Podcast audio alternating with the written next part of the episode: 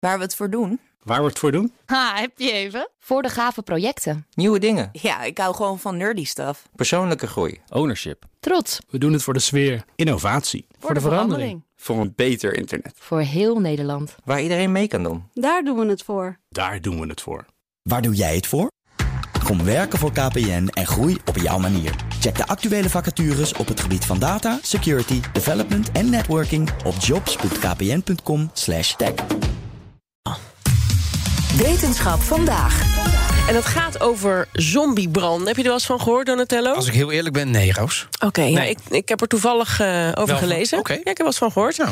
Maar gelukkig voor jou Ja. en voor iedereen die denkt... wat, zombiebranden is hier Pauline Sewus, onze wetenschapsdirecteur. Pauline, goedemiddag. Goedemiddag. Vertel, een zombiebrand, wat is het? Nou ja, het is een brand die dood lijkt. Eh, zombies zijn echt dood, maar eh, die dan weer uit de dood opstaat.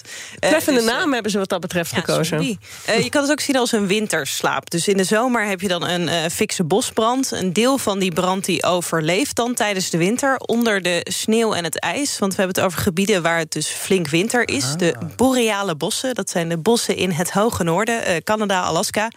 En na de winter, als het sneeuw en ijs dan smelt... dan komt die brand die daaronder eh, heeft gesmuld, die komt weer boven. Eh, de onderzoeker van deze studie Sander Verraverbeke. Eh, hij is bosbranden-expert, hij werkt aan de VU... en die vergelijkt het met een vuurtje maken als je gaat kamperen. Eh, dat je daar dan een eh, emmer water over giet om, eh, ja, om het vuur te doven. En als je dan uit je tent komt morgens, dan zie je misschien dat dat vuurtje toch nog een beetje aan het smeulen is. En op een heel grote schaal kan, is, het, is het eigenlijk iets, iets soortgelijks. Hè. Het veen is daar, dus er is meer dan genoeg brandstof aanwezig om die smeulende brand gaande te houden. En misschien zelfs een beetje contradictorisch zorgt die sneeuw eigenlijk ook voor een soort van isolatie van regen. Dus het wordt eigenlijk een beetje beschermd eh, van, die, van die extra regen of neerslag die erbij komt. En ja, eh, op die manier eh, is, er, is er genoeg om, eh, om het smeulende te houden. Zo, het spelende te houden. Ja, precies. En niet even, maar gewoon rustig dus een hele, een hele winter. Ja. Maar goed, er is dus aangetoond dat, dat ze er zijn, dat ze, dat ze voorkomen. Ja, daar komt het op neer. Het was een, eh, een relatief eh, zeldzaam maar bekend fenomeen in de praktijk. Dus bij de brandbestrijders in die eh, gebieden.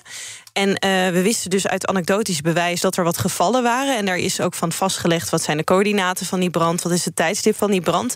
En die gegevens die hebben ze gevoed, de onderzoekers, aan een algoritme... zodat die weet van, nou ja, op deze plekken... wat je ziet op de satellietbeelden, dat is een zombiebrand... En dat algoritme heeft vervolgens eh, andere satellietbeelden bekeken van eh, de omgeving, andere jaren. Op zoek naar andere zombiebranden die dus nooit gedetecteerd zijn. En toen hebben ze met dat algoritme nog zo'n twintig eh, branden gevonden die nooit gerapporteerd Oké. waren. Oké, en hoe weten ze nou zeker dat zo'n brand echt een zombie is en niet een, een, een nieuwe brand? Ja, dat vroeg ik me dus ook af. Maar er zijn wel wat eh, kenmerken waardoor we dat weten. Allereerst de plek. Want je ziet dat die zombiebranden aan de rand van het gebied komen... waar eerder een eh, brand was. En dat zie je steeds weer terug. En er zijn nog een paar andere kenmerken. Bijvoorbeeld de timing. Want ze flakkeren op vlak nadat de sneeuw smelt. En dat is ongeveer rond deze tijd in mei. Terwijl dat de meeste branden in, dit, in, in die gebieden eigenlijk iets later starten in, eh, in juni. Eh, dus dat is heel duidelijk. En eh, aan de andere kant hebben we ook heel goede bliksemdata van netwerken daar. Dus we weten eigenlijk exact waar en wanneer dat er een bliksemschicht is. Dus als er geen bliksemschicht is vooraleer dat die brand terug opflakkert, dan weten we ook dat bliksem niet de oorzaak kan zijn. sein. En dan eh, daarbovenop weten we ook eh, ja, wat dat de wegen zijn, wat dat de dorpjes zijn. Dus als het ver weg is, hè, de meeste gebieden zijn daar heel eh, uitgestrekt met heel weinig mensen. Dus als het heel weg, ver weg is van menselijke activiteit, dan kunnen we eigenlijk ook eh, de mens gaan uitsluiten als een eh, aanstekingsbron. En dan schiet er eigenlijk alleen nog maar die, ja, die overwintering zombie fires Nee, het is geen over. bliksem, het zijn geen mensen, het eh, moeten zombies zijn. Dat is vrij simpel, Jongen, ja. jongen. Ehm, en, en hoe nu verder met dit onderzoek? Tot nu toe was het onderzoek dus eh, op afstand. Eh, ze bestudeerden die satellietbeelden. En ze zouden ook graag nog ter plekke onderzoek doen. Want ze weten nu al wel wat over de plekken waar die zombiebranden ontstaan en hoe het daar dan uitziet. Dus dicht bij een eerdere brand, veengrond. Want dat is dus waar het in eh, smult. Maar er blijven nog wel wat vragen over. Zijn er misschien speciale karakteristieken aan die plaatsen in het landschap waar dat, dat gebeurt, die ze heel bijzonder maken? En dat willen we graag eh, eh, te weten komen. Misschien ook de topografie daar, zijn dat heel specifieke gevallen. Ehm, ook hoeveel methaan dat er uh, vrijkomt op het moment dat zo'n brand aan het smeulen is in, de winter. Want uh, als een brand uh, opflakkert, dan stoot hij vooral CO2 uit. Maar als die in een smeulende fase is, is er eigenlijk niet genoeg zuurstof. En dan stoot hij meer methaan uit, wat dat ook een... methaan is ook een heel sterk broeikasgas. dus dat zijn op zich wel um, ja, vragen waar dat we graag in de, komende jaren ook een antwoord willen op krijgen.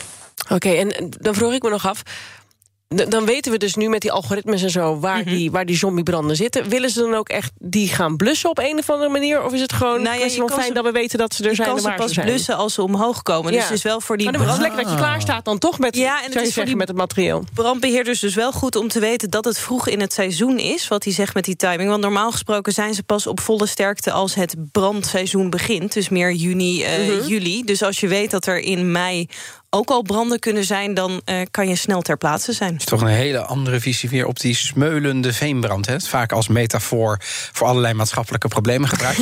maar nu hebben we dus De zombiebrand. Ja. Die je niet ziet ook. Doodeng, maar wel goed dat er dus onderzoek is. Want wellicht kunnen we dan in ieder geval grotere rampen voor zijn. Ik neem aan dat ze daar... Dat is uiteindelijk... Zie jij nu een metafoor bijvoorbeeld voor de toeslagenaffaire? Was dat een zombiebrand? Eh, uh, even kijken, was er een zombiebrand? Wilde je zoiets? Nou ja, nee, want dan zouden we net doen alsof het uh, zeg maar... Het is heel lang niet zichtbaar geweest, ja. toch? Dat bedoel ik. Ja, dat is wel weer waar, ja. ja. Maar hadden we het niet voor kunnen zijn? Ja, tuurlijk altijd. Ja, precies. Goed, Pauline. Wetenschap vandaag wordt mede mogelijk gemaakt door Gimmicks. Gimmicks, your trusted AI ook Liesbeth Staats vind je in de BNR-app. Ja, heel handig. Luister live naar Kees en mij tijdens de Daily Move. Dan blijf je ook gelijk op de hoogte van breaking news en het laatste zakelijke nieuws. En daar vind je ook alle BNR-podcasts, waaronder de Perestrooikast. Download nu de gratis BNR-app en blijf scherp.